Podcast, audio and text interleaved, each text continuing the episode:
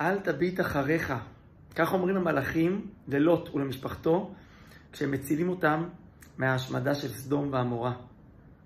אבל אשת לוט עמדה והסתכלה אחורה, ותהי נציב מלח. אולי זו דרך ציורית לתאר את השקיעה ביגון, בכאב, ואז נהפכים לנציב מלח. בימים של מלחמה וסערה, לפעמים המחשבות רצות אחורה. איך אפשר לעכל מוות uh, טרגי כזה?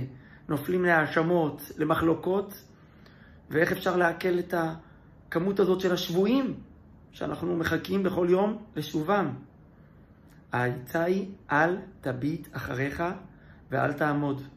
הדרך שלנו להתמודד עם העבר וההווה היא לחלום על העתיד המיוחל ולפעול כדי להגיע אליו.